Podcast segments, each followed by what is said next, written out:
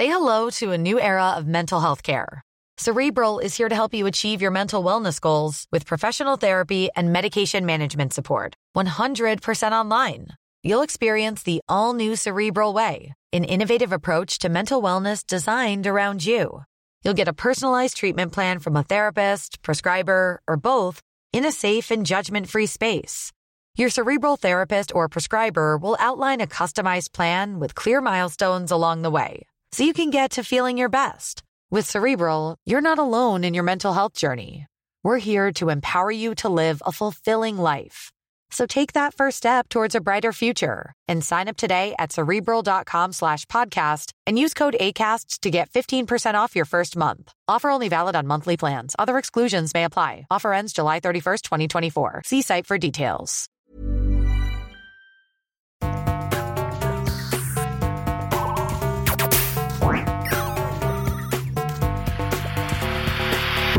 Jeg heter Sondre Risholm Livrød.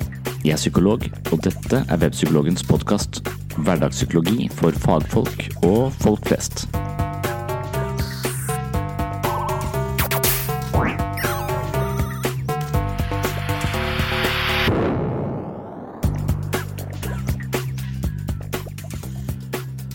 Hei, og velkommen til en ny episode av Sinnsyn.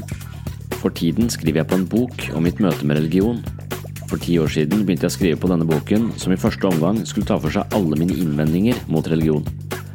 For fem år siden tok dette prosjektet en helt ny vending. Faktum var at jeg hadde kritisert religion uten å vite nok om det. Jeg bestemte meg for å utforske religiøse perspektiver på livet. Jeg begynte å gå på gudstjenester, engasjere meg i menigheter og snakke med troende mennesker fra ulike tradisjoner. Ofte blir den følelsesmessige temperaturen ganske høy når man diskuterer spørsmål om tro og tvil, og det har det også blitt i mitt prosjekt, men målet mitt var å få til en konstruktiv dialog. Selv om jeg ikke alltid lykkes, er jeg drevet av en idé om at det er mulig å få til gode samtaler med meningsmotstandere, og at denne typen samtaler kan virke berikende for begge parter, selv om vi ikke blir enige. Det viste seg å bli en kamp mot egen arroganse og impulskontroll. Et av de elementene som dukket opp i mine samtaler med prester og pastorer, var spørsmålet om fri vilje. Fri vilje representerer et slags filosofisk problem som jeg har vært klar over lenge, men egentlig ikke tatt inn over meg. I møte med religion ble jeg en slags representant for naturalisme, altså et ståsted som mener at verden er naturlig, i motsetning til overnaturlig. Her ble jeg gang på gang konfrontert med fri vilje, og ettersom ateisten i meg har hørt og lest alt det er mulig å få tak i av den kjente religionskritikeren og frivilligskeptikeren Sam Harris, har jeg begynt å innse at fri vilje er en illusjon, men jeg er ikke helt overbevist. Dersom du tar fri vilje ut av den menneskelige ligningen, havner man vitterlig i en ganske pussig posisjon. Man ender opp i et materialistisk menneskesyn, noe jeg i bunn og grunn er ukomfortabel med. Boken jeg skriver om mitt møte med religion, handler om de store spørsmålene fra et troende og et ikke-troende perspektiv. Ideen er at det kan være både spennende og selvutviklende å gå i dialog med meningsmotstandere. Blant de temaene som har affisert meg mest, er imidlertid spørsmål om fri vilje, og det er også hovedtema for dagens episode av Simsyn. Jeg vil innlede med noen refleksjoner rundt fri vilje, og deretter gå til et foredrag hvor jeg snakker om følelser, mentale algoritmer, mobiltelefoner, Karl Marx og muligheten for å laste sin egen bevissthet opp i en sky. Men først skal jeg som vanlig være i opplesningsmodus med noen korte refleksjoner rundt fri vilje. Etter hvert som vi forstår mer av menneskets hjerne og vår psykologiske makeup, begynner det å dukke opp vanskelige spørsmål. Hva vil det si å være et godt menneske? Hva er ondskap? Hva er rett og galt? Og hvem bestemmer dette? De fleste av oss opplever at vi har frihet til å velge innenfor visse rammer, men de harde vitenskapene hevder at fri vilje er en illusjon. I mange av de store visdomstradisjonene er det plass til fri vilje fordi Gud har gitt oss denne muligheten. Mennesket kan velge sine handlinger, noe som gjør oss ansvarlige fordi dette innebærer muligheten til å velge det onde. Uten fri vilje kan vi ikke dømmes for våre handlinger fordi alt som er, ikke kunne vært annerledes. Når hard vitenskap viser oss at fri vilje er en illusjon, strider imot vår intuisjon, og det krever at vi tenker annerledes om en rekke områder i livet, og det krever at vi tenker annerledes om oss selv. Jeg trodde at jeg hadde et forholdsvis fornuftig forhold til virkeligheten. Jeg kjente til fri vilje-problematikken, men som sagt hadde jeg ikke tatt den inn over meg. Fri vilje er ganske komplisert, men det er ikke så vanskelig å teste. Jeg tok min første test i kantina på Universitetet i Aalborg i 1999. Jeg pleide å spise med en eh, filosofistudent, og han ba meg om å registrere den neste tanken som dukket opp i hodet mitt. Hvorfor tenkte jeg akkurat denne tanken? Var det slik at jeg bestemte meg for å tenke akkurat den tanken, og så tenkte jeg den? Eller var det slik at eh, tankene bare dukket opp i hodet mitt uten min velsignelse eller innflytelse? Når jeg observerte meg selv på denne måten, ble det klart at jeg ikke hadde så mye kontroll på det som dukket opp i bevisstheten. Filosofistudentens tankeeksperiment er kanskje ikke umiddelbart overbevisende, men hvis du virkelig tror at du er regissøren bak din egen tankevirksomhet, så kan du prøve å ikke tenke en eneste tanke det neste minuttet. Med vitenskapelige briller er verden styrt av deterministiske naturlover og tilfeldigheter. Mennesket er sannsynligvis ikke noe unntak. På 1800-tallet var menneskets psykologiske liv en blind flekk. Når noen gjorde noe galt, var de skyldige og måtte straffes. I senere tid har den blinde flekken blitt mer synlig. Vi forstår mer av hjernen, og når vi åpner panseret på den psykologiske motoren bak levd liv, finner vi verken sjelen, selve eller fri vilje.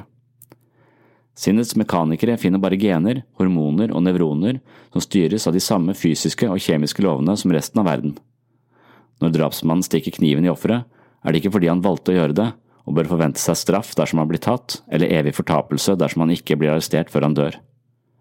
Drapsmannen handler som han gjør på grunn av elektrokjemiske impulser i hjernen, påvirket av genetiske disposisjoner som reflekterer tusenvis av år med evolusjon og tilfeldige muteringer. Drapet er determinert eller tilfeldig eller en kombinasjon av disse to, men aldri et fritt valg. Det finnes mange eksempler på at barn har blitt drept og misbrukt av voksne mennesker. Det er noe av det mest forferdelige vi kan tenke oss. Barn og dyr som lider er noe av det som aktiverer meg aller mest. Når forsvarsløse individer blir utnyttet, er min sterkeste følelse raseri mot overgriperen. Denne typen tanker dukker opp stadig vekk, og jeg trenger ikke å nevne spesifikke navn for å fremme et litt ubehagelig poeng. La oss si at en ung jente blir voldtatt, drept og gjemt bort i en fjellsprekk av en mann i tyveårene. Desto nærmere denne jenta står meg, jo sterkere, sterkere blir raseriet og den påfølgende sorgen. I en slik situasjon er sorgen alltid tilbørlig, men for at raseriet skal være berettiget, forutsetter det at drapsmannen forstås som ansvarlig for sine handlinger. Kanskje leser jeg mer om drapsmannen, eller kanskje jeg møter ham fordi jeg jobber i psykisk helse.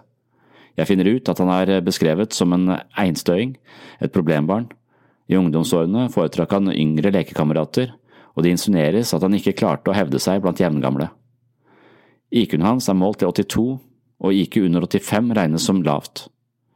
Kan denne informasjonen endre min oppfattelse av drapsmannen? Hadde han ikke kognitive evner til å forstå hva han gjorde?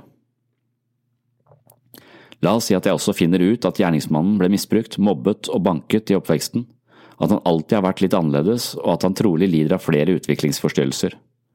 Denne informasjonen kan forandre bildet fordi man ikke kunne forvente så mye av denne personen med det utgangspunktet.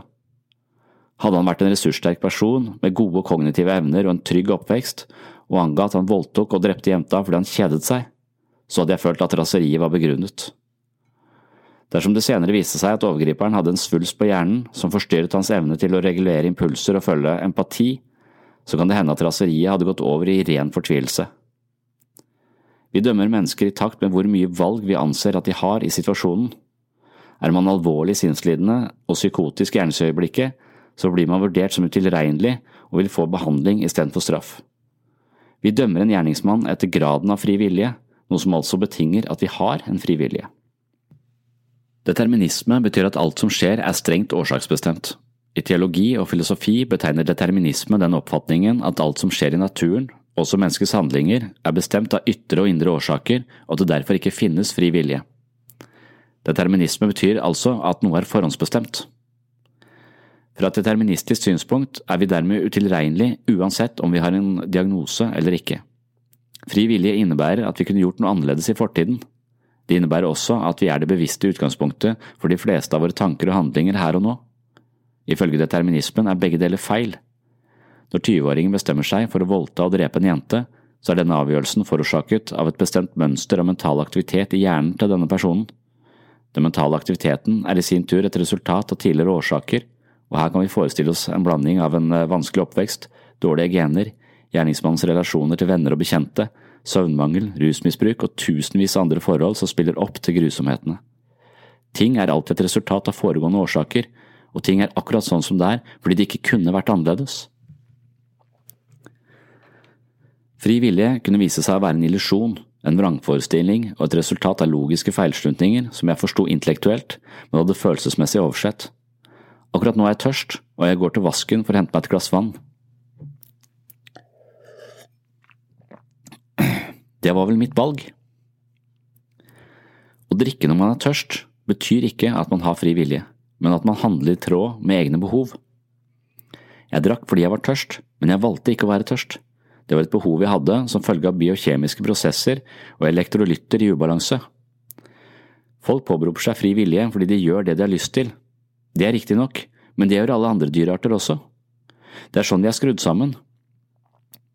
Vi handler ut ifra behovene vi har, men vi har ikke valgt disse behovene. Illusjonen dukker opp når vi dekker et behov, drikker vann fordi vi er tørste, og kaller det for fri vilje. Hvis vi virkelig har noe i nærheten av fri vilje, så er det noe som ligger utenfor naturens gang, noe overnaturlig, noe guddommelig. Det er i alle fall det jeg får høre når jeg lytter til Sam Harris eller pastoren i den lokale frikirken. Uten fri vilje finnes ikke ondskap, bare determinisme og tilfeldighet. Men dersom Gud har utstyrt oss med overnaturlig vilje, står vi ansvarlig for det vi gjør. I praksis lever vi med ideen om fri vilje. For noen uker siden fikk jeg bot for å kjøre for fort. Jeg forklarte politimannen at jeg ikke kunne lastes for overkjøringen fordi jeg var overstyrt av toksoplasmose kondi. Jeg prøvde å slippe unna boten ved å skylde på en parasitt. Politimannen ristet på hodet, ga meg 6000 kroner i bot og krevde at jeg tok en promilletest. Han hadde tydeligvis ikke hørt om parasitten som får oss til å handle uvørent. Parasittpsykologi er et interessant område som kan fortelle oss at over halvparten av jordas raser lever i eller på andre vesener, og noen parasitter forandrer vertens nervesystem. Det finnes for eksempel en taglorm som kryper inn i magen til gresshopper og ligger der noen uker for å bli kjønnsmoden. Den ligger i gresshoppas fordøyelseskanal og snylter på næringen. Etter to uker blir den kjønnsmoden, og det eneste stedet den kan reprodusere seg selv, er i vannet. Siden gresshopper avskyr vann, blir det vrient, men ormen vet råd. Den skiller ut et protein som påvirker gresshoppas hjerne slik at den får en uimotståelig trang til å oppsøke vann. Det ender med drukningsdøden for den stakkars gresshoppa. Tenk om dette også gjelder for mennesker. Uten at vi vet det, kan vår atferd være påvirket av en parasitt som har behov for mye magefett for å legge egg. Parasitten sørger for at vi alltid bestiller dobbel hamburger med ekstra ost når det egentlig holder med en enkel burger. Det finnes parasitter som påvirker mennesker, men jeg har foreløpig ikke hørt om noen som har spesialisert seg på å manipulere dietten vår. Blant de parasittene som man vet påvirker mennesker, finner vi altså toksoplasmose. Den påvirker egentlig mus slik at de blir skjødesløse. En fryktløs mus er en mus i fare, og parasitten vil at musen skal bli spist av en katt. Parasitten har til hensikt å fortsette sin livssyklus i kattens tarmsystem. Denne parasitten vil inn i katten, men den havner av og til i feil kropp. Noen studier antyder at mellom 30 og 50 prosent av alle mennesker er infisert av denne parasitten, og det er mulig den har samme effekt på oss som på mus. Øyvind Øverli er parasittforsker ved Norges miljø- og biovitenskapelige universitet, og han sier følgende. Det virker som om parasitten faktisk har mange av de samme effektene på mennesker som på mus. Den gjør at enkelte mister hemninger og tar større risiko. Folk med toksoplasmose er for eksempel oftere innblandet i trafikkulykker. I sommer kjøpte jeg et såkalt knebrett som man trekker bak båten i fart. Brettet hadde en anbefalt aldersgrense på ti år, men jeg tenkte at begge barna mine kunne klare det. De er tross alt fire og åtte år. Min datter vil gjerne se brettet i aksjon før hun prøver selv, og dermed lar hun minstemann få prøve først. Etter en del mislykkede forsøk klarer vi å trekke ham opp og kjøre ut fjorden bak den lokale ferja. Jeg filmer stuntet og sender det til min kone. Hun svarer umiddelbart, men ikke med den begeistringen jeg hadde forventet. Hun skrev bare Kom hjem. Hun gjorde det klart at det var uforsvarlig å ha en fireåring bundet fast på et brett bak en båt i full fart. Verken jeg eller sønnen min forsto dette. Nå er jeg usikker på om det er min egen vurderingsevne som står bak dette stuntet, eller om det er toksoplasmose. Jeg har også lurt på om det finnes en parasitt som gjør mennesker, eventuelt min kone, mer nervøse enn det er grunn til å være. Verken min kone eller politimannen var villig til å frita meg fra skyld selv om jeg påstod å være utilregnelig som følge av en parasitt. Vi lever som om vi er ansvarlige for det vi gjør, og sånn må det være for at systemet ikke skal kollapse. Fri vilje har vært en inngrodd del av min selvforståelse og mitt verdenssyn, og dermed har jeg hatt store problemer med å dementere fri vilje som en kognitiv bias.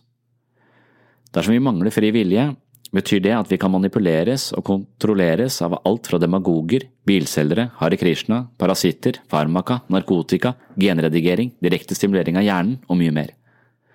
Jeg er altså like automatisk som en nikkedukke, bare litt mer kompleks. En annen forskjell på meg og nikkedukken er at jeg har en illusjon om overnaturlig viljestyrke. Å bli kjent med seg selv som en avansert nikkedukke betyr at jeg må forlate mitt selvbilde som autonom, kreativ, elskende åndsarbeider. Som en nikkedukke i en tåke av vrangforestillinger kan jeg ikke stole på meg selv, og jeg føler meg underlig fremmed. Hvem er jeg egentlig? Kanskje vet man aldri hvem man er, ettersom alle vurderinger vi gjør av oss selv filtreres gjennom menneskets kognitive feilslutninger. Finnes det noen der ute som kan fortelle meg hvem jeg er? Ja, det gjør det. Det krever at jeg kjøper et biometrisk armbånd og kobler det til en smarttelefon. Deretter må jeg gi Google og Facebook lov til å registrere alt jeg gjør på nett og lese alle mail. Jeg bør skaffe meg et kamera og loggføre det jeg foretar meg i løpet av en dag på bloggen. En DNA-test vil også gi verdifull informasjon. Hvis jeg gjør alt dette, så vil en guddommelig algoritme på internett kjenne meg tusen ganger bedre enn jeg kjenner meg selv. En algoritme er rett og slett en skrittvis metode som brukes for å gjøre kalkulasjoner, løse problemer og ta beslutninger. De menneskelige algoritmene baserer seg som regel for mye på følelser, og det kan gi oss upålitelige data om oss selv. Dersom du skal ta viktige avgjørelser, som for eksempel å velge en partner eller utdannelse, bør du ikke lytte til dine egne følelser, men konsultere den guddommelige algoritmen. Den kan fortelle deg at du bør velge partnerskap med Peter fremfor Bjørn, selv om du liker Bjørn best. Bjørn sin profil er såpass lik alle dine ekskjærester, og disse forholdene har endt tragisk. Du og Peter har samme smak, ser på samme filmer, han er flinkere til å lage mat enn deg, står opp litt tidligere, slik at du ikke alltid kommer for sent på jobben. Han har samme type humor, og han har et mønster hvor han tilpasser seg lett og forplikter seg over tid. I en situasjon hvor algoritmen har fått tilgang til alle data, kan også fortelle om blodtrykket, puls, blodsukker og adrenalinnivå på stevnemøtet med Peter kontra Bjørn. Ved å sammenligne arvematerialet til deg og dine to friere, kan du også regne ut den genetisk beste matchen. På bakgrunn av dette, og tusenvis av andre faktorer, kan algoritmen fortelle deg at det er 70% større sannsynlighet for at du får et lykkelig forhold med Peter fremfor Bjørn. Algoritmen vet også at du hadde håpet den ville anbefale Bjørn, men den kan nesten garantere at et forhold med Bjørn hadde blitt en repetisjon av tidligere forhold som ender med brudd etter ca. ett år. Algoritmen vet at du vekter utseendet høyt når du velger partner, men den kan vise til enorme databaser med statistisk informasjon som avslører at utseendet har mye mindre innflytelse på kvaliteten i et parforhold enn det våre emosjonelle algoritmer forteller oss. Hvis Google fikk lov til å lese folks mail, registrere alle meldinger i alle sosiale medier og monitorere folks bevegelser på internett, i tillegg til at vi går med armbånd som overvåker vår fysikk, eksempel Google Fit, og har tatt nødvendige DNA-tester, 23andMe, vil algoritmen ha et ekstremt godt bilde av hvem vi er, hva vi føler, hvilke uvaner vi burde forandre på, hva vi burde spise, hvordan vi bør trene, hvem vi bør gifte oss med, hva slags jobb vi passer best til, og hvilke sykdommer vi kan forvente oss senere i livet.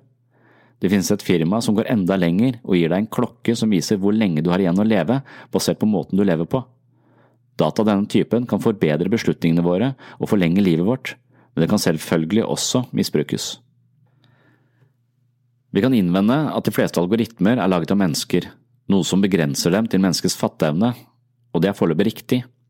Men de mektigste algoritmene til Google utarbeides og bearbeides av store team hvor den enkelte programmerer bare forstår sitt lille bidrag inn i den omfattende algoritmen. Da blir det straks vanskeligere å dekonstruere prosessene og forstå hvordan algoritmen tar sine beslutninger. Plutselig er algoritmens veier uransakelige. Blant annet vet Google om en influensaepidemi opp mot ti dager før helsemyndighetene.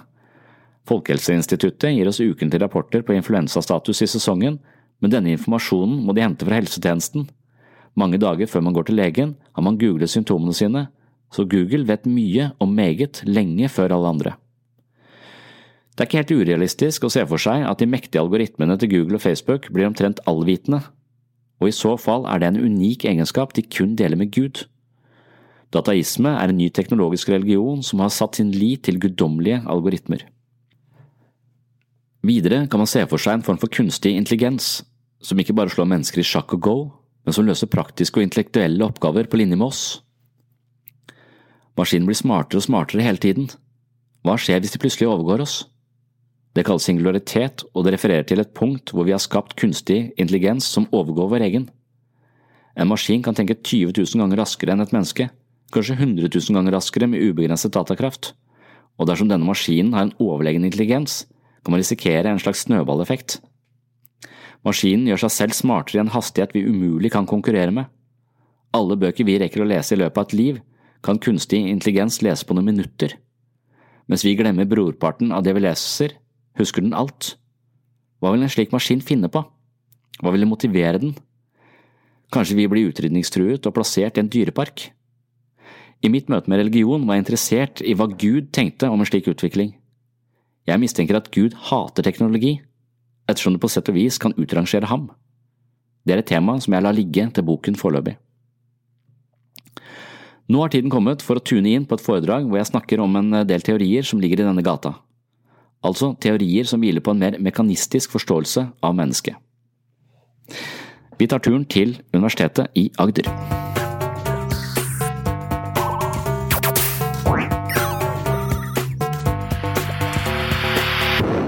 Uh, og Hvis man bare er interessert i psykologi, så kan man også bare følge uh, webpsykologen på, uh, på Facebook, selvfølgelig. Og jeg vet ikke, jeg sier det for at jeg, jeg vet ikke, når jeg studerte, så, hadde, så var jeg ikke Jeg brukte ikke podkaster eller lydbøker, men det bruker jeg hver eneste gang jeg har et sekund til over, så hører jeg på en podkast eller på en lydbok. Så det har på en måte forandra hele Ja, etter at jeg fikk barn, så klarte jeg ikke å lese lenger, jeg hadde ikke tid. Eh, så, da, så, nå må jeg lese på vei til jobb og hjem fra jobb, og hvis jeg trener eller hver gang jeg gjør et eller annet. Og da er jo podkaster helt fantastisk. Men dere er jo unge, så dere vet dette. Men de som er på min alder, de har ikke egentlig begynt å bruke det eh, så mye. Så hvis dere vil, eh, vil ha det en gang til, så gå inn på webpsykologen.no. Det betyr at dere egentlig ikke hadde trengt, dere hadde ikke trengt å være her. Dere kunne bare gått inn her i utgangspunktet. Må ikke alle gå nå, da. Eh, Piaget eh, nå er vi over eh, i den høyre. Han er mer objektivt orientert, han er mer empirisk orientert. Han studerer Han har et litt annet språk på, på, denne, på utviklingspsykologien. Interessant med Piaget var at han, han virker som en litt glup type. Da. Han skrev sin første vitenskapelige artikkel som 11-åring. Så ble han tilbudt stilling som museumsdirektør som 16-åring og doktorgrad som, i en alder av 22 år. Eh, så han kan ikke ha vært eh, Han har ikke vært helt tapt bak en vogn. Eh, men det som kanskje historien om han som kanskje illustrerer måten han tenker på også, det er at han vokste opp i et hjem hvor faren var professor i historie og ateist, mens moren var hjemmeværende og dypt religiøs. Og Det på en måte illustrerer noe av det Piaget tenker om hvordan mennesket dannes.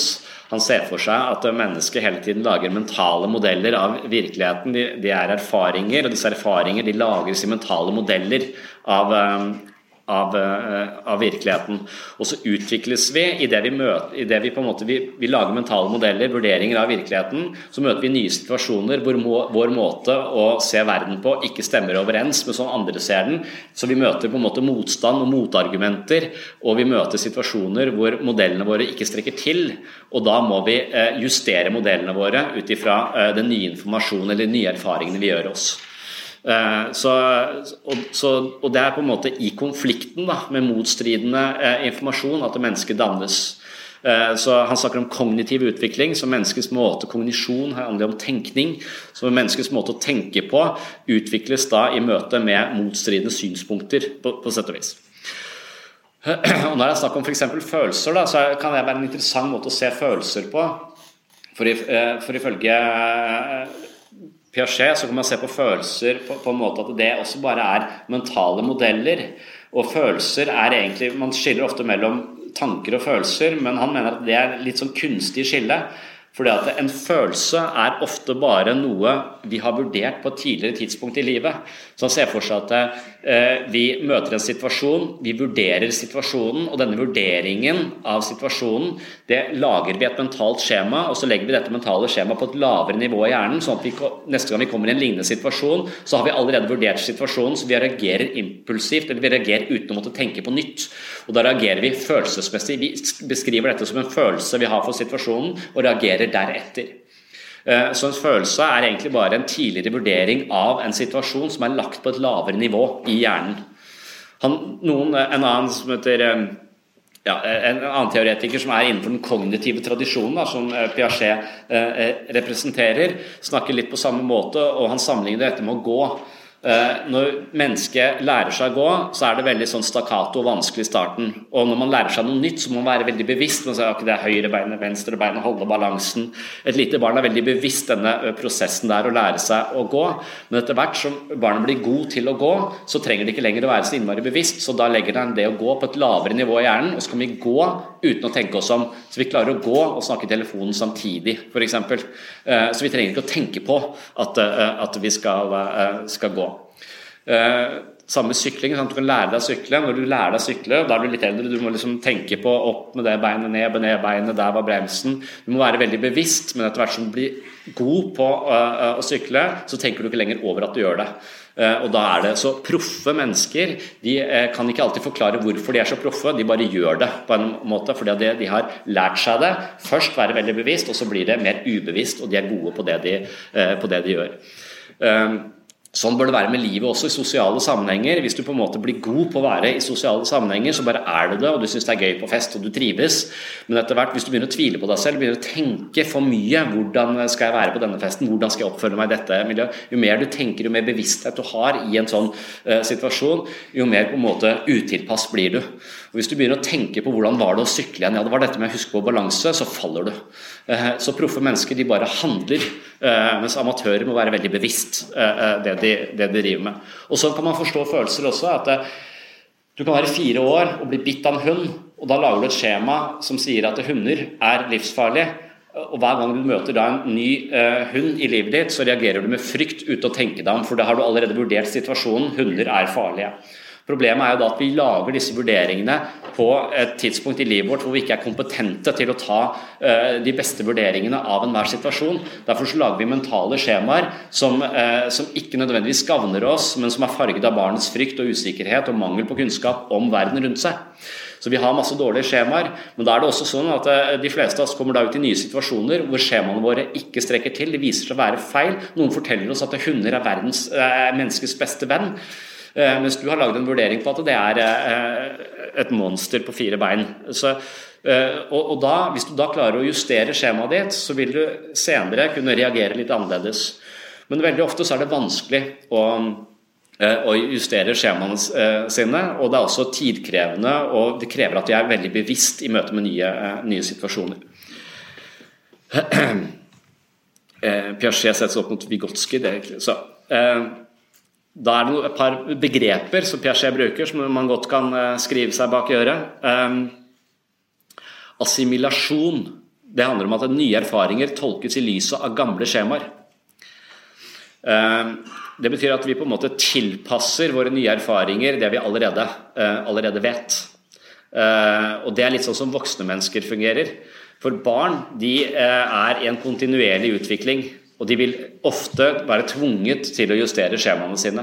Mens voksne mennesker de kan komme til å tviholde på skjemaene sine til de dør. Eh, eh, så hver gang de får ny informasjon som strider imot den informasjonen de hadde fra før, så overser vi det, eller bare tilpasser det det vi allerede vet. Så på en måte vi tvinger verden inn i de eh, boksene vi allerede har laget, så vi slipper å drive og justere boksene våre. Og det vil man på folkemunne kalle å være trangsynt. Uh, og Barn er lettere, er mer uh, mottakelige for uh, forandring, fordi at hjernen forandrer seg hele tiden. så De er på en måte nødt til Plutselig så får de helt nye egenskaper som de ikke har hatt før. Hjernen utvikler seg rent sånn biologisk sett. så Dermed så er de nødt til å tilpasse seg på nytt og på nytt og på nytt hele tiden. og, det er også sånn ting Når du jobber med barn da, så vil du du må vite at barn er i en kontinuerlig bevegelsesprosess. Og det å bevege seg, det å utvikle seg fra ett trinn til et nytt trinn i alle disse forskjellige eh, utviklingsteoriene som vi, vi, ser på her, det er ofte forbundet med mer angst. For at du er på et nivå, du forholder deg til verden med de mentale modellene du har, og ting funker, men så plutselig så funker det ikke lenger. Eller så plutselig så begynner hjernen din å koble inn nye mekanismer, så du klarer å tenke på din egen tankegang f.eks. Det er veldig forvirrende eh, å tenke på sin egen tankegang. Hvem er det som tenker, hvem er det som blir tenkt på? Er jeg to personer? Er jeg spalta? Uh, og, så, og, så, blir du litt forvirra i en overgangsperiode. Uh, og Hver gang man går fra ett nivå, kasta inn i et nytt nivå, så, er, så vil man ofte oppleve mer angst. Og Det kalles da for utviklingskriser. Og Ofte så vil en utviklingskrise vil ligne på psykisk sykdom. Og Da er det dette med språk igjen. Hvis vi da gir det som er en normal utviklingskrise eh, en diagnose og kaller det for psykisk sykdom på et eller annet nivå hos et barn, så har vi kanskje bundet dette her som egentlig er en del av normalutvikling, til en eller annen forståelse som er sykeliggjørende. Og Hvis barnet da adopterer den forståelsen av seg selv, at de er litt annerledes og litt syk og så, videre, så kan det bli en virkelighet som faktisk også manifesterer seg hos barnet. og det får det som en slags identitet. Så Ofte så handler det om med barn å normalisere ting også, og, og spesielt med foreldre eh, som, som, har disse barna. Og, og, se på at en del av det å bli utvikle seg er vondt. Det, er voks, det finnes psykiske voksesmerter fra det ene trinnet til, eh, til det andre. Når vi er voksne, så er det vanskeligere å akseptere dette, og da må vi på en måte med viten og vilje gå inn for å være mer åpensinna. Vi må bevisst gå inn for å tenke på nye måter eller forholde oss annerledes. Og det er kjempetidkrevende, det er kjempeslitsomt. Derfor er det veldig lett å falle tilbake i eh, gamle, gamle mønster. Så Jo eldre du blir, jo vanskeligere er det å forandre seg. Det er min Ja, det er noen ganger, Hvis du er over 50, da er det ikke vits i lenger. Da, det er som å prøve å forandre en brødrister. Det går ikke. Det er ikke sant. Der er det faktisk forskning som viser at mennesker utvikler seg ekstremt mye fram til de er 25 år, men så stagnerer utviklinga fram til de er 50. Men når de er 50, så går det enten oppover eller rett i dass. Eh, det kommer litt an på hvor, hvordan du klarer å omstille deg da. Og dette er forskjellige overganger. så Noen utviklingspsykologiske teorier, f.eks. Eh, Eriksson og sånn, de snakker om utvikling helt fram til vi blir voksne. Det er masse masse overganger her også. Men fram til vi er 25, så vil vi ofte kulturen vår dra oss. Vi vil lære ting, vi vil gå på skole, vi vil bli litt lik som kulturen. Vi vil også ha en biologi som drar oss gjennom det ene utviklingsnivået til det andre. og Vi har en familie osv. Så, videre. så vi vokser opp til der kulturen er, og det biologien på en måte har gitt oss. Eh, men så vil vi eh, ofte da bli fokusert på å karriere og ha barn osv. Så, videre. så det å tenke på vår egen utvikling det stagnerer ofte litt, for det gjør så innmari mye annet å, ta oss til. Og så stagnerer det fram til man er 50, kanskje fordi man da er opptatt av barn, karriere osv. Og så, så flytter barna, og så er du liksom der du skal karrieremessig, og så kommer det en ny krise. Hva gjør jeg? Hvem er jeg nå når jeg ikke er pappa lenger? Eh, på en måte. Så, og da er det ofte at man i denne alderen, eller kanskje det er når man blir 66 ja da tar livet til. Kanskje det er da eh, du på en måte må reorientere deg på nytt. Da. Og da kan man ofte eh, bevege seg, bevege seg videre. Men det krever også en visst overskudd. Da, for, eh, for, det å endre gamle mønstre det krever veldig mye energi og osv., så, videre, så man ha, må ha overskudd til det. Og det er det som er så kjipt med de som er psykiske problemer, at de ofte da mangler nettopp det overskuddet de trenger for å få det bedre. Eh, så Assimilasjon betyr altså at vi prøver å putte nye erfaringer inn i gamle skjemaer. Etter hvert så går ikke det, og da er det et begrep som heter akkommodasjon. Eh, det betyr at ok, de nye erfaringene de passer ikke overens med de skjemaene jeg har laget. Derfor må jeg endre mine skjemaer for å passe dem til den uh, nye erfaringen jeg har gjort meg. Og det er i der vi vokser. Ny informasjon, altså vi, vi tilpasser voksne våre, vi gjør voksne våre litt større. A lot can happen in three years, like a chatbot may be your new best friend. But what won't change? Needing health insurance. United Healthcare Tri Term Medical Plans, underwritten by Golden Rule Insurance Company, offer flexible, budget friendly coverage that lasts nearly three years in some states. Learn more at uh1.com. Ryan Reynolds here from Mint Mobile. With the price of just about everything going up during inflation, we thought we'd bring our prices down. So to help us, we brought in a reverse auctioneer, which is apparently a thing. Mint Mobile unlimited premium wireless. Ready to get 30, 30, bit to get 30, bit to get 20, 20, 20, bit to get 20, 20, bit to get 15, 15, 15, 15 just 15 bucks a month. So, Give it a try at mintmobile.com/switch. slash $45 up front for 3 months plus taxes and fees. Promo for new customers for limited time. Unlimited more than 40 gigabytes per month slows. Full terms at mintmobile.com.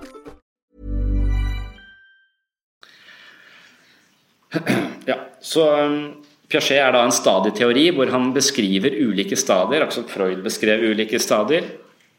Uh, han har forskjellige begreper han, uh, på, på, hvert stadie. Det, borte, det første uh, stadiet er 0 til ca. to år. Han kaller det det sensomotoriske stadiet. han beskriver en del av disse kognitive ferdighetene som plutselig dukker opp på det ene stadiet etter det andre. Første gang her så er det snakk om objektkonstans. Dvs. Si at du helt i starten Hvis du, det er noe på bordet, så legger du noe over det, og da er det borte for barnet. Og Det er ikke sikkert barnet skjønner at det er under. Det er sånn. For borte er borte. Det klarer ikke å se for seg at uh, hvis jeg tar vekk det håndkleet nå, så er det sånn gjette, uh, gjettelek, på en måte. Men, men, ganske raskt så begynner barnet å skjønne at uh, du kan ta hendene og så Titt hei, så var du der. Så syns det er veldig, veldig morsomt. Så kommer det andre stadiet, det preoperasjonelle stadiet. To til seks år. her har de denne, Det er en veldig sånn kjent Piaget-forsøk. det handler om å kunne tenke i revers, på en måte. Eh, det handler om å kunne eh, på en måte sjonglere eh, mentale modeller og forståelser, sånn at du kan kjøre de baklengs. Og det, det klarer ikke barnet før det blir opp mot 6-7 år. Det vil si at han har denne konserveringstesten hvor du har et tjukt glass som er litt lavt, og et høyt glass som er smalt. Og Så tar du en mengde vann så heller du det over i det tynne, smale, høye glasset, og da blir det mye vann. Så heller du den samme mengden vann over i et lite eh, glass som er lavt, men, eh, men bredt. Eh, og så, så, spør du hvor det er mest vann.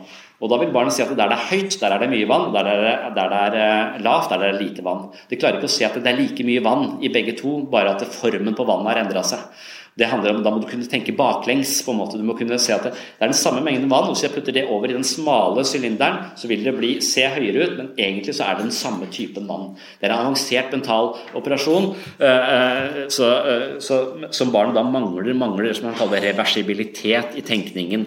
Men så dukker det plutselig opp etter hvert, og så, og så kan barnet forstå dette, at det er samme mengde vann, selv om det ser ut som det er mer i den smale sylinderen. Eh, så Piaget er veldig på å beskrive sånne, gjøre, gjøre, sånne forsøk for å se hvordan våre mentale kapasitet utvikler seg. Eh, ja, så han snakker om animisme, det betyr at døde ting har liv og hensikter. Bamsen lever, bamsen kan fortelle deg ting. Eh, du er ganske egosentrisk, du har problemer med å ta andres uh, perspektiv. Det er altså det lille barnet. Det er forholdsvis egosentrisk. Så Det er også en sånn utviklingslinje vi kan se. Fra å være egosentrisk så går det etter hvert opp for meg at det er ikke bare meg og mitt i denne verden, jeg må også ta hensyn til andre.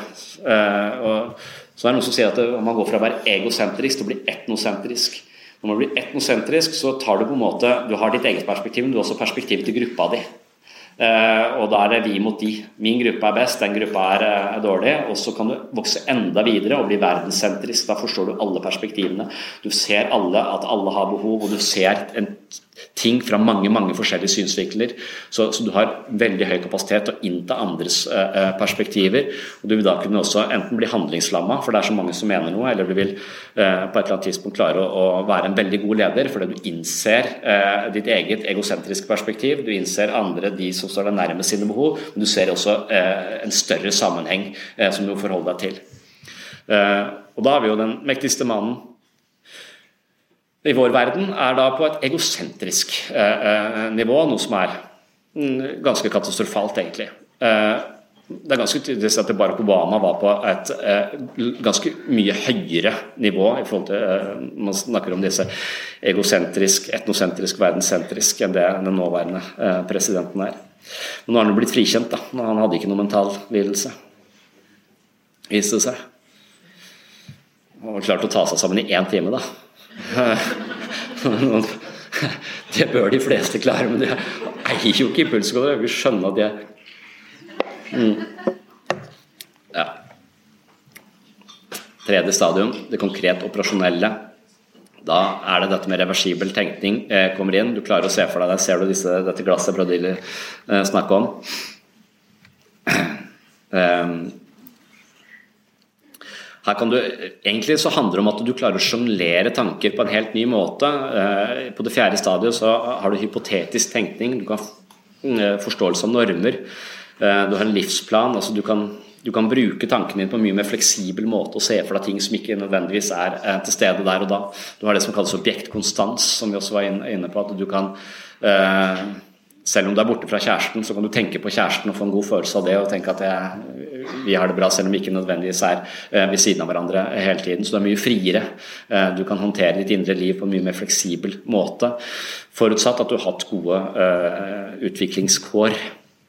Det er ikke Piaget så veldig opptatt av. Han er mye mer opptatt av de isolerte stadiene som mennesker går eh, gjennom, og kognitiv kapasitet på det ene stadiet til det andre.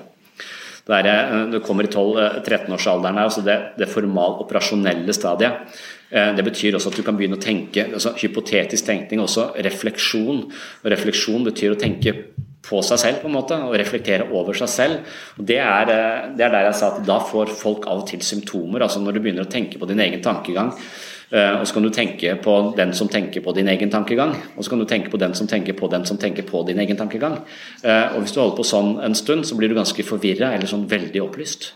Eh, det er også en, en mulighet. Så det handler om å hele tiden ta et nytt perspektiv, et større perspektiv. Men i startfasen så vil det å på en måte tenke på seg selv og sine egne tanker kan være veldig forvirrende. For hvis jeg tenker på mine egne tanker, hvem er det som tenker, hvem er det som blir tenkt på? Uh, og det er noe sånn halvspalta schizofrent over den uh, ideen. Og idet du oppdager at dette, du kommer inn i dette utviklingstrinnet hvor dette er en mulighet, så det litt, kan det være litt ustabilt i starten. Er Det litt vanskelig å bruke det. Og det kan være veldig eh, forvirrende. Du får sånne symptomer som man sier at eh, jeg eksisterer ikke, eller verden eksisterer i kraft av min tankegang. Du får sånne rare eh, symptomer som franske filosofer har, og de som er innlagt på psykiatrisk avdeling har. Eh, på den med alvorlig schizofreni. Så du er enten filosof eller schizofren eller bare 13. Eh, samme greia, eh, litt mangel på justering her og der. Men etter hvert så, så, klarer du å bruke dette, og så blir denne metakognisjonen, som det heter, altså det vi også kan bruke for å ta et skritt tilbake og ikke være så fanget av tankene våre. og Forstå at tankene våre og det narrative selve f.eks. driver og forteller skrønerhistorier om hvem vi er. Og no, veldig ofte så forteller de noe som er et ekko av dritt vi har opplevd tidligere. Så det er ikke sikkert du skal stole på alle disse tankene dine. Eh, så det, så det å trene opp denne metakognisjonen som ligger her oppe, det er også mental trening, det er psykoterapi. Det er det å være mentalt sunn, og evnen til mindsight, eller mentalisering, som vi kalte det eh, sist. Det også kommer inn eh, fra tolv år oppover. Metakognisjon, evnen til å se sitt eget sinn, på en måte. Og dermed også avsløre alle de tabbene vi gjør, og de feilslutningene vi tar. Ja.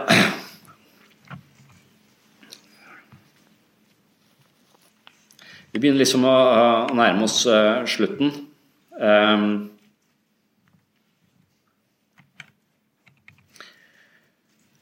det siste, uh, siste kapitlet etter uh, Stern og Piaget, eller det nest siste kapittelet er det vel egentlig, er kulturpsykologi. og Da er vi egentlig bare ned til høyre. det er snakk om det interobjektive. Det er snakk om eh, psykologiske perspektiver som handler om at kulturen din også spiller en veldig sentral rolle på hvem du er og hvordan du forstår eh, verden. Eh, og det kan man liksom, er, kan man, Hvis man kommer fra en helt annen kultur eller kommer fra et helt annet sted, eh, så har man på en måte fått inn en helt annen programvare, og man forholder seg til helt andre strukturer, som gjør at man kan se ting helt annerledes. Eh, og man kan ha en annen annerledes oppfattelse av ting, man kan ha en annerledes ideologi. Det er nå en, eh, ting, og det hører litt til der nede. Det handler om språkspill og måter å forstå uh, verden på. Men rent sånn perseptuelt også, så går det an å ha helt andre oppfattelser. Uh, jeg tror vi nevnte det, men rett og slett at sansene våre lurer oss fordi at vi bor i en vestlig verden hvor det er masse firkanter rundt forbi, så vil vi være um, sårbare for en del sånne uh, tanketriks eller sånne illusjoner hvor eh, to streker ser ut som om de er, har helt forskjellig lengde, eh, fordi at de er eh, tegna på litt forskjellige måter, men egentlig så er de helt like. For oss så ser det ut som de er helt forskjellige, men for de som har bodd inne i skogen og ikke er vant til disse firkantene, så vil de umiddelbart se at disse to strekene er like lange. Så selv om til og med liksom måten vi ser og oppfatter virkeligheten på, er påvirket av de strukturene som, som omgir oss. Så eh, Nederst til høyre der så, så, snakker man ofte om liksom, Hvis man snakker om menneskelig bevissthet, da, hva er det eh, for noe? Så er det også litt her snakk om eh, Karl Marx, eh, som snakker eh, om en sånn eh, historisk, dialektisk materialisme. og, og for, for, denne mer sånn russiske skolen så er det det er litt sånn at Menneskets bevissthet er ikke lokalisert i individet. Men menneskets bevissthet kommer til uttrykk når to individer samarbeider med en, eh, en spade og lager noe helt nytt. Det handler om, om at samarbeid mellom mennesker det skaper kulturelle artefakter, som rett og slett er ting vi kan bruke for å forbedre livet vårt. Så i utgangspunktet så var det at vi klarte å, å lage en plog, som vi klarte å ta, sette bak en hest, så vi klarte å dyrke marka istedenfor bare gå hvileløst rundt i verden og prøve å finne bær og ting som allerede var der fra før. Så vi plante ting. Så slo vi, slo vi oss ned på forskjellige eh, områder og dyrka marka. Så her har du en helt klar utvikling ved at det mennesket som samarbeider, eh, eh, klarer å lage nye ting, og disse nye tingene de gjør at mennesket utvikler seg til helt nye nivåer. Så menneskets bevissthet er på en måte eh, det, det handler om om at det er, eh, det er i virksomheten. Det kalles virksomhetsteori. Menneskets bevissthet kommer til uttrykk når mennesket samarbeider med kulturelle artefakter og konstruerer nye, eh, nye ting.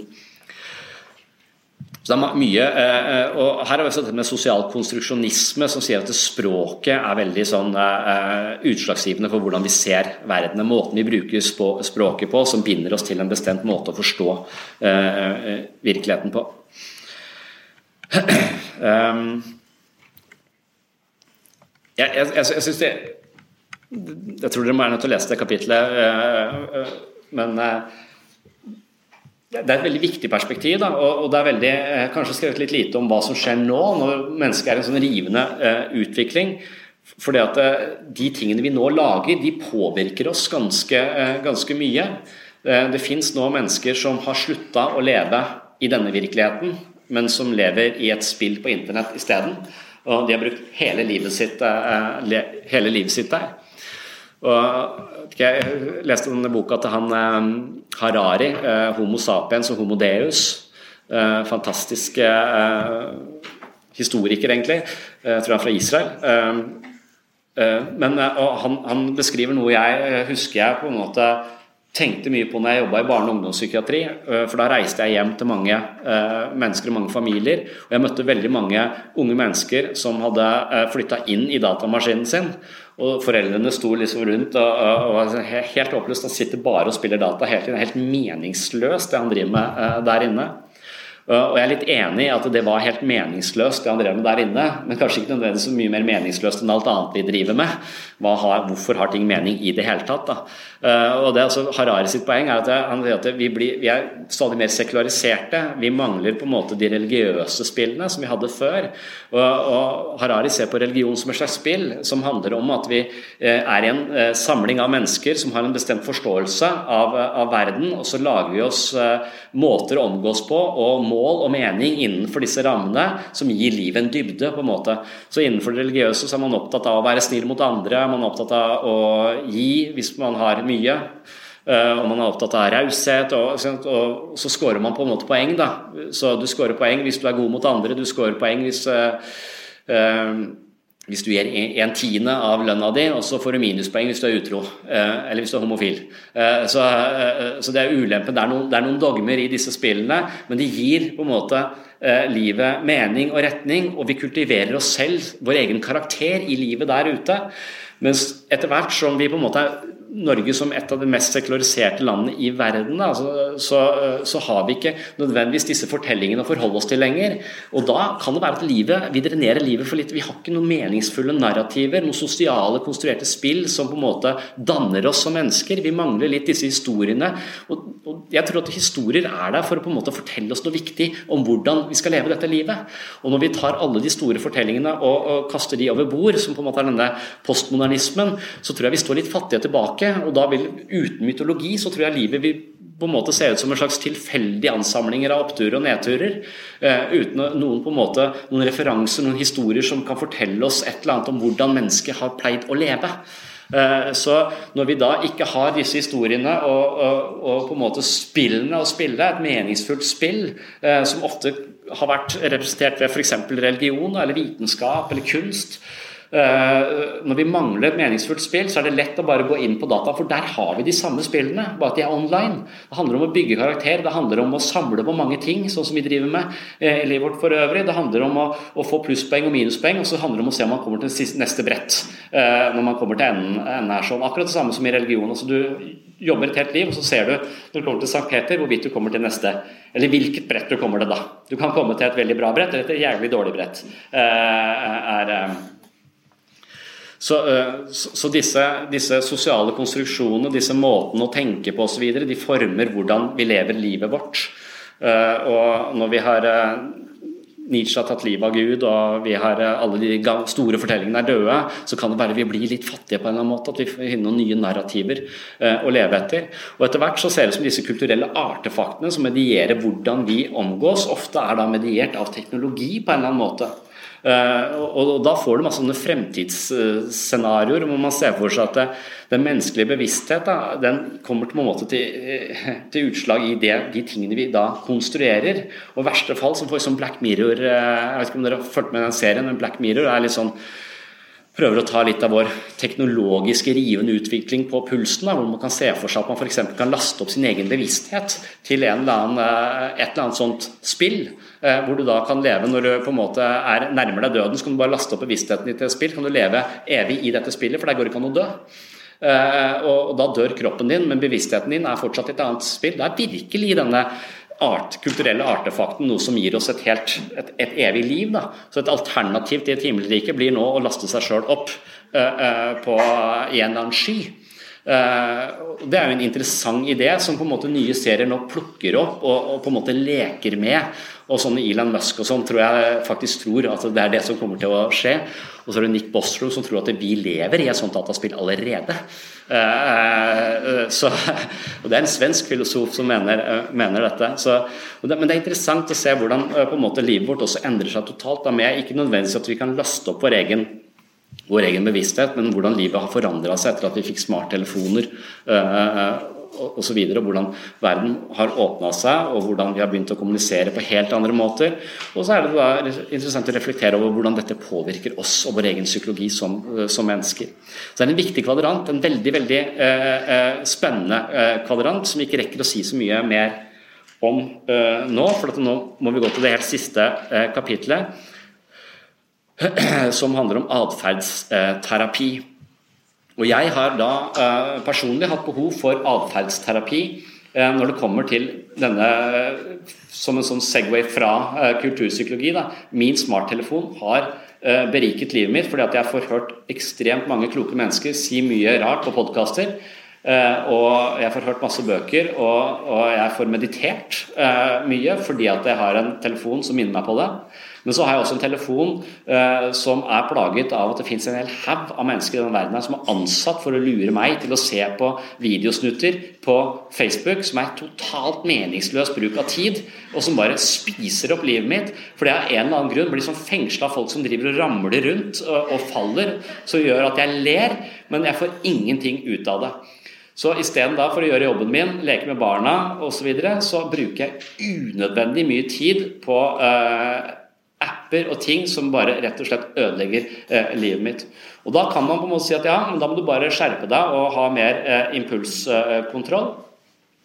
Eh, jeg har forholdsvis mye impulskontroll, men jeg er jo også en slags biologisk robot. Så, så når det klinger et eller annet sted, så, ta, så steller det oppmerksomheten min. Jeg klarer ikke å nødvendigvis rive meg uh, ut av det før det er for seint. Og da kan man gå til denne mer atferdsterapeutiske uh, varianten. Veldig mange mennesker vet at de lever på en måte som ikke er sunt, men de gjør det likevel. Eh, og da har atferdsterapien mener at da må vi gå eh, mer systematisk til verk. Vi må bare endre menneskets atferd ved å på en måte hindre de eksempel, eller gi de strøm hver gang de gjør noe som er feil. Eh, og der fins det faktisk en klokke som jeg kan ta på meg, som sperrer telefonen min. Og hvis jeg er på Facebook for lenge, så får jeg støt i armen. Og jeg har kjøpt det. Jeg har bestilt det. For jeg har vært en sånn jeg skjønner at dette her er ikke uh, nødvendigvis noe som vil uh, det er mange bivirkninger med å drive sånn eh, hardcore Skinner, eh, som er en representant for dette her. Skinner, eh, BF Skinner og Pavlov osv. Som Skinner mente at han kunne få et hvilket som helst menneske, og bare ved å på en måte um, påvirke det på, på, spesielle måter, kunne han skape en tyv eller en ingeniør eller en forfatter. Han kunne forme mennesker ut ifra at mennesket hele tiden bare reagerer på stimuli, respons. Så Hvis du endrer stimuliene, så vil du endre responsen, og du kan forme mennesker ved da å endre omgivelsene. Og, og Det er det jeg har tenkt å gjøre med meg selv. Jeg har tenkt til å installere denne appen som hører til denne klokka. og Hver gang jeg er for lenge på Facebook, så får jeg da støt i armen, noe som vil gjøre og den, Samtidig så sperrer den disse, eh, de appene jeg har bestemt meg for at jeg ikke har lyst til å bruke mye tid på. De kommer til å bli sperra hvis jeg har vært inne på de over eh, eh mer enn fem minutter eh, i løpet av en dag. Og hvis jeg da går inn igjen, så får jeg støt. Uh, og jeg håper da at dette her skal på en måte sørge for at jeg får et nytt og, bedre liv ved å da drive ren atferdsterapi uh, på meg selv. Jeg er, spent, jeg, er spent, på det. Men jeg har også tenkt dette mye. ikke sant, for at Når du møter mennesker Jeg husker jeg hadde en som het Marit. og Hun, hun var livredd for å dø. Det kan jeg kjenne meg igjen i. Jeg er også livredd for å dø. Eh, jeg, min frykt for å dø gjør at jeg prøver å spise så sunt som mulig og jogge så ofte som mulig. Eh, hennes eh, frykt for å dø ga ikke de samme konsekvensene. Så hun var livredd for å dø, og hun var livredd for å bli syk. Og hun var veldig overvektig, og alle i familien hennes hadde livsstilssykdommer, diabetes osv. Det var bare spørsmål om tid før hun fikk det, og hun drakk halvannen liter cola om dagen. Eh, så hver gang hun kom hjem, så var det rett i kjøleskapet. Var hun kjededrakk cola hele, eh, hele døgnet. Eh, og selv om hun visste at det fører meg til en sikker diabetes innenfor rimelig kort tid, og det forkorter livet mitt hver gang jeg gjør det, så klarte hun ikke å bytte ut det glasset med cola med, med vann. Og Det kan man forstå, fordi at hun var dypt og inderlig omsorgssvikta. Hun hadde vokst opp på en bar eh, eh, hvor hun eh, på en måte bare løp rundt og var for seg selv. Og hun hadde lært veldig lite. Hun har på en måte litt dette ubekrefta selve. Så hver gang hun hadde vanskeligere vonde følelser, så visste hun ikke hvordan hun skulle håndtere det. Men det hjalp å drikke eller det hjalp å putte ting i munnen, som vi har fra Freud osv. Så, videre. så det er forståelig at hennes algoritmer på en måte gjør at hun håndterer ubehag ved å drikke eh, cola. Det kunne vært verre om kunne brukt eh, heroin isteden. Det hadde sikkert fungert enda bedre, eh, men vært enda mer skadelig på sikt, muligens. Eh, så, så, hver eneste dag så åpner hun kjøleskapet uten på måte å tenke på at dette glasset fører meg til en stille livsstilssykdom som fører meg til en for tidlig død. Som det er det hun er mest redd for. Og da tenker jeg at det, det, kan vi forstå, vi kan prøve, og hun kan se sammenhengen. Hun kan se at hun på en måte håndterer vanskelige følelser med å drikke, eh, drikke cola. Men det er ikke alltid at den innsikten er god nok. Så da kan det være at du bør gå ned i denne, eh, på andre sida av kvadrantene og håndtere dette litt mer fysisk. Det hjelper av og til å snakke om det, men av og til må denne innsikten også må implementeres i livet ditt på en eller annen måte. Og jeg mener at hvis jeg kunne gitt Marit et sånn uh, halsbånd som har egentlig bare lov til å bruke på hunder, og som er lite humant å bruke på hunder også, et strømhalsbånd uh, uh, og gitt henne støt hver gang hun nærma seg kjøleskapet utenfor foringstid, så er jeg sikker på at vi hadde klart å få bukt med denne overvekten og gitt henne et lengre liv. Men det er ikke lov. Eh, å drive og strømme folk. Men det er lov til å strømme seg sjøl, eh, så det, det, kan jeg gjøre. Jeg fikk denne ideen da jeg var på sånn utdrikningslag og spilte sånn der, eh, eh, fotball med sånn elektrisk eh, støt rundt halsen. Og Da var det motstanderne som drev og administrerte elektriske støt. Eh, motstanderne sin benk. Men de hadde bare lov til å gi meg støt hvis jeg spilte for bra, eller hvis jeg var i ferd med å score. og det var en effektiv måte å bli dårlig i fotball på. så, så, da tenkte jeg at det der er er, er, interessant.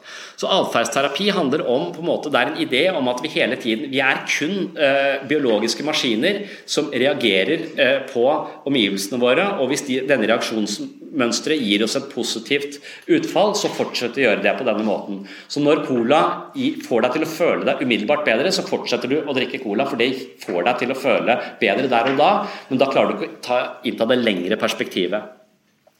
Og Det er interessant å forestille seg en verden hvor vi på en måte tenker i disse banene, for da får vi en sånn type Clockwork Orange-situasjon. Så jeg vet ikke om Det er også en litt sånn gammel referanse, men Stanley Kubrick lagde jo denne uh, filmen om Alex, som er veldig glad i å banke opp folk og voldta dem. Det er det eneste gleden han har i, i, i livet. Eh, så han eh, er jo en bølle av dimensjoner. Han er glad i å voldta folk, han er glad i å banke dem opp, han er glad i Beethovens 9. symfoni. Eh, det er de tingene som gir livet hans mening og dybde.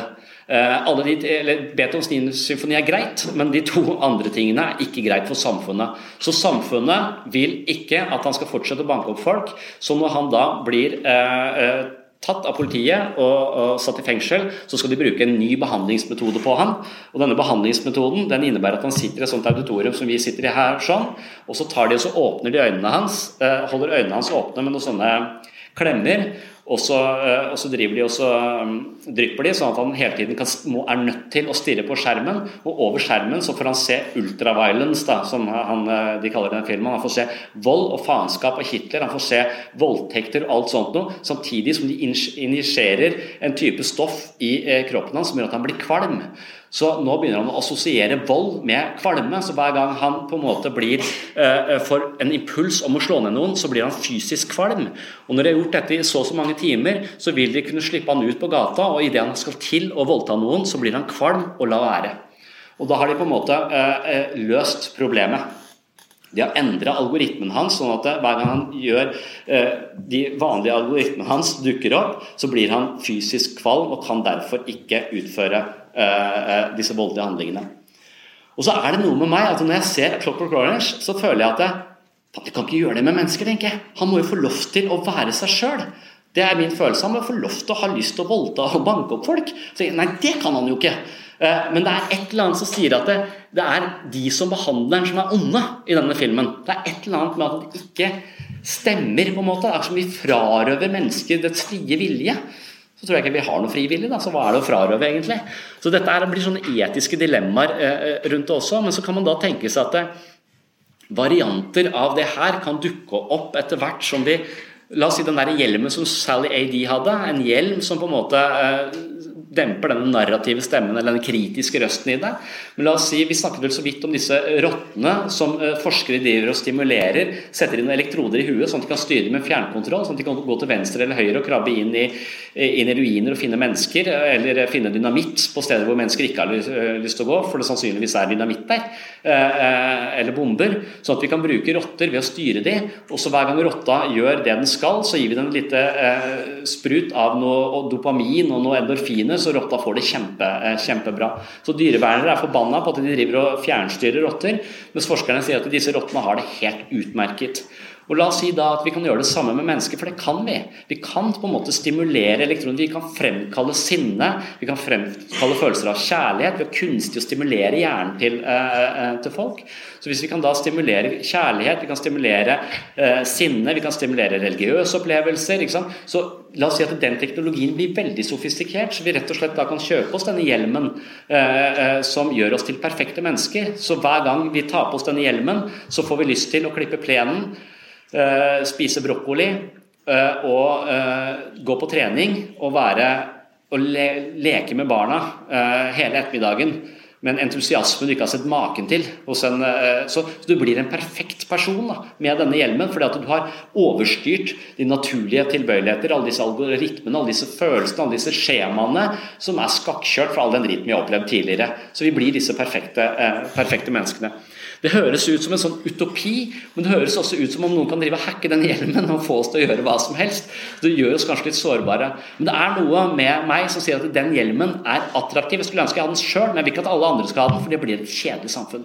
Så jeg vil at andre, andre skal gjøre feil. Det er det som er morsomt. Det er det som er gøy å se på YouTube. Folk som faller og gjør ting feil.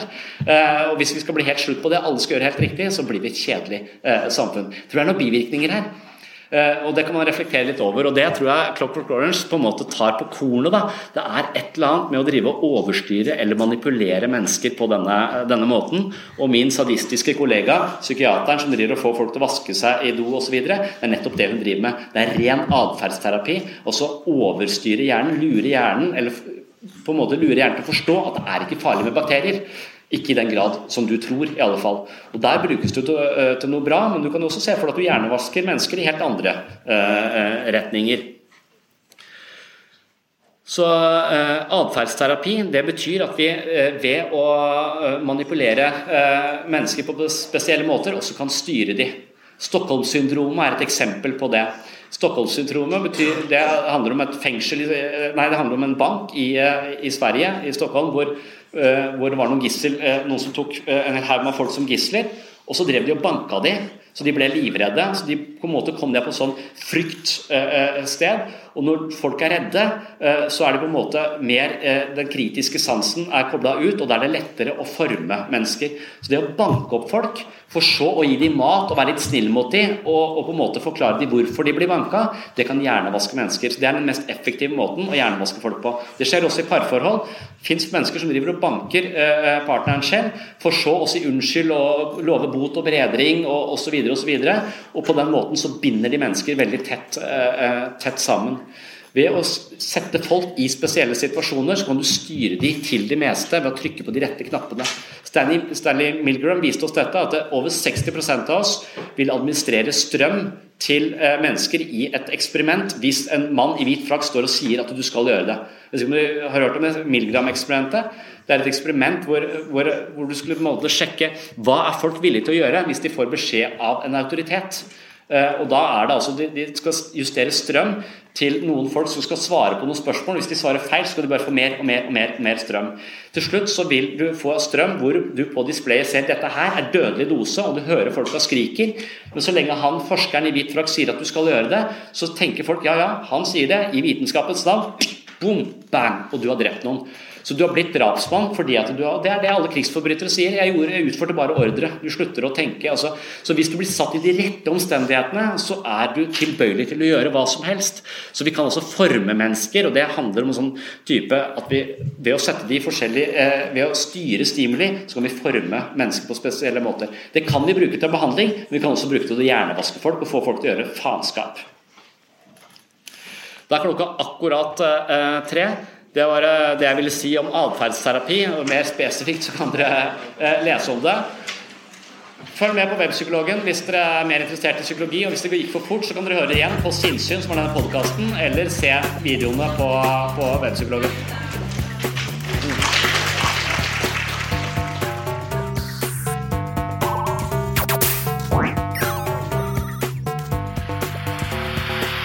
Takk for at du hørte på Sinnsyn. Liker du podkasten, håper jeg at du gir den tilbakemeldinger i iTunes. Er du mer interessert i perspektivet på menneskets psykologi, håper jeg at du klikker deg inn på webpsykologen.no og bestiller bøkene jeg har skrevet om dette temaet. De heter Selvfølelsens psykologi og Jeg, meg selv og selvbildet. Dersom du er mer interessert i fri vilje og de store eksistensielle spørsmålene fra et troende og et ikke-troende perspektiv, håper jeg at du ser opp for min kommende bok som skal hete Psykologens journal. Den kommer i butikkene i løpet av høsten. Mitt prosjekt i forhold til religion kan du også følge uh, før boken kommer ut. Det kan du gjøre ved å lytte til podkasten hvor jeg diskuterer livets store spørsmål med pastor Rune Tobiassen. Podkasten heter eh, Pastoren og psykologen, og du finner den på webpsykologen.no eller på iTunes, og sannsynligvis på andre plattformer som jeg ikke kjenner til. Ellers er du hjertelig velkommen tilbake i neste episode. På gjenhør!